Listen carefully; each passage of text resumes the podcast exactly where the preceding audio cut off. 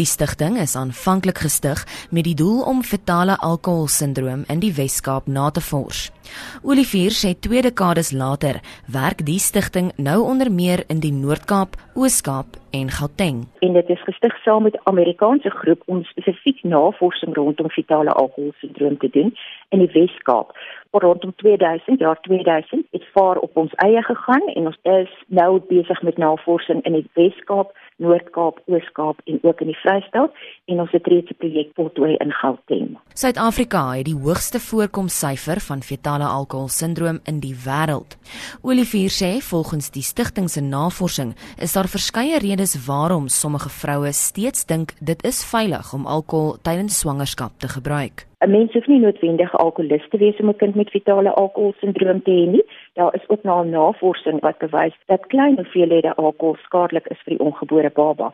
So dit is baie noodsaaklik dat ons hierdie boodskap aan soveel as moontlik mense uitkry en dan ook om vir mense in die gemeenskap te sê dit is nie net die verantwoordelikheid van swanger vrouens om te kyk na hulle alkoholgebruik nie dit is ook die verantwoordelikheid van die pa van die kind van die metgesel van die vrou en dan ook die gesin en die familie want baie van die vrouens as ons vir hulle vra hoekom gebruik julle alkohol sê hulle vir ons dis redes soos druk van familie en vriende om sosiaal te verkeer en ons weet maar 'n baie gewilde manier om sosiaal te verkeer in Suid-Afrika is om alkohol te gebruik en dan natuurlik ook om stres te verlig. Bykomend tot die kulturele en sosiale druk sê Olivier dra gesondheidswerkers soms ook die verkeerde boodskap aan swanger vroue oor. Soos verpleegkundiges en mediese dokters wat vir swanger vrouens sê dis in die haak om 1 tot 2 glasies wyn per dag te drink. As jy nie 'n probleem het met alkohol nie, kan jy mens dit drink as jy nie swanger is nie, maar navorsing het onomwonde bewys in Suid-Afrika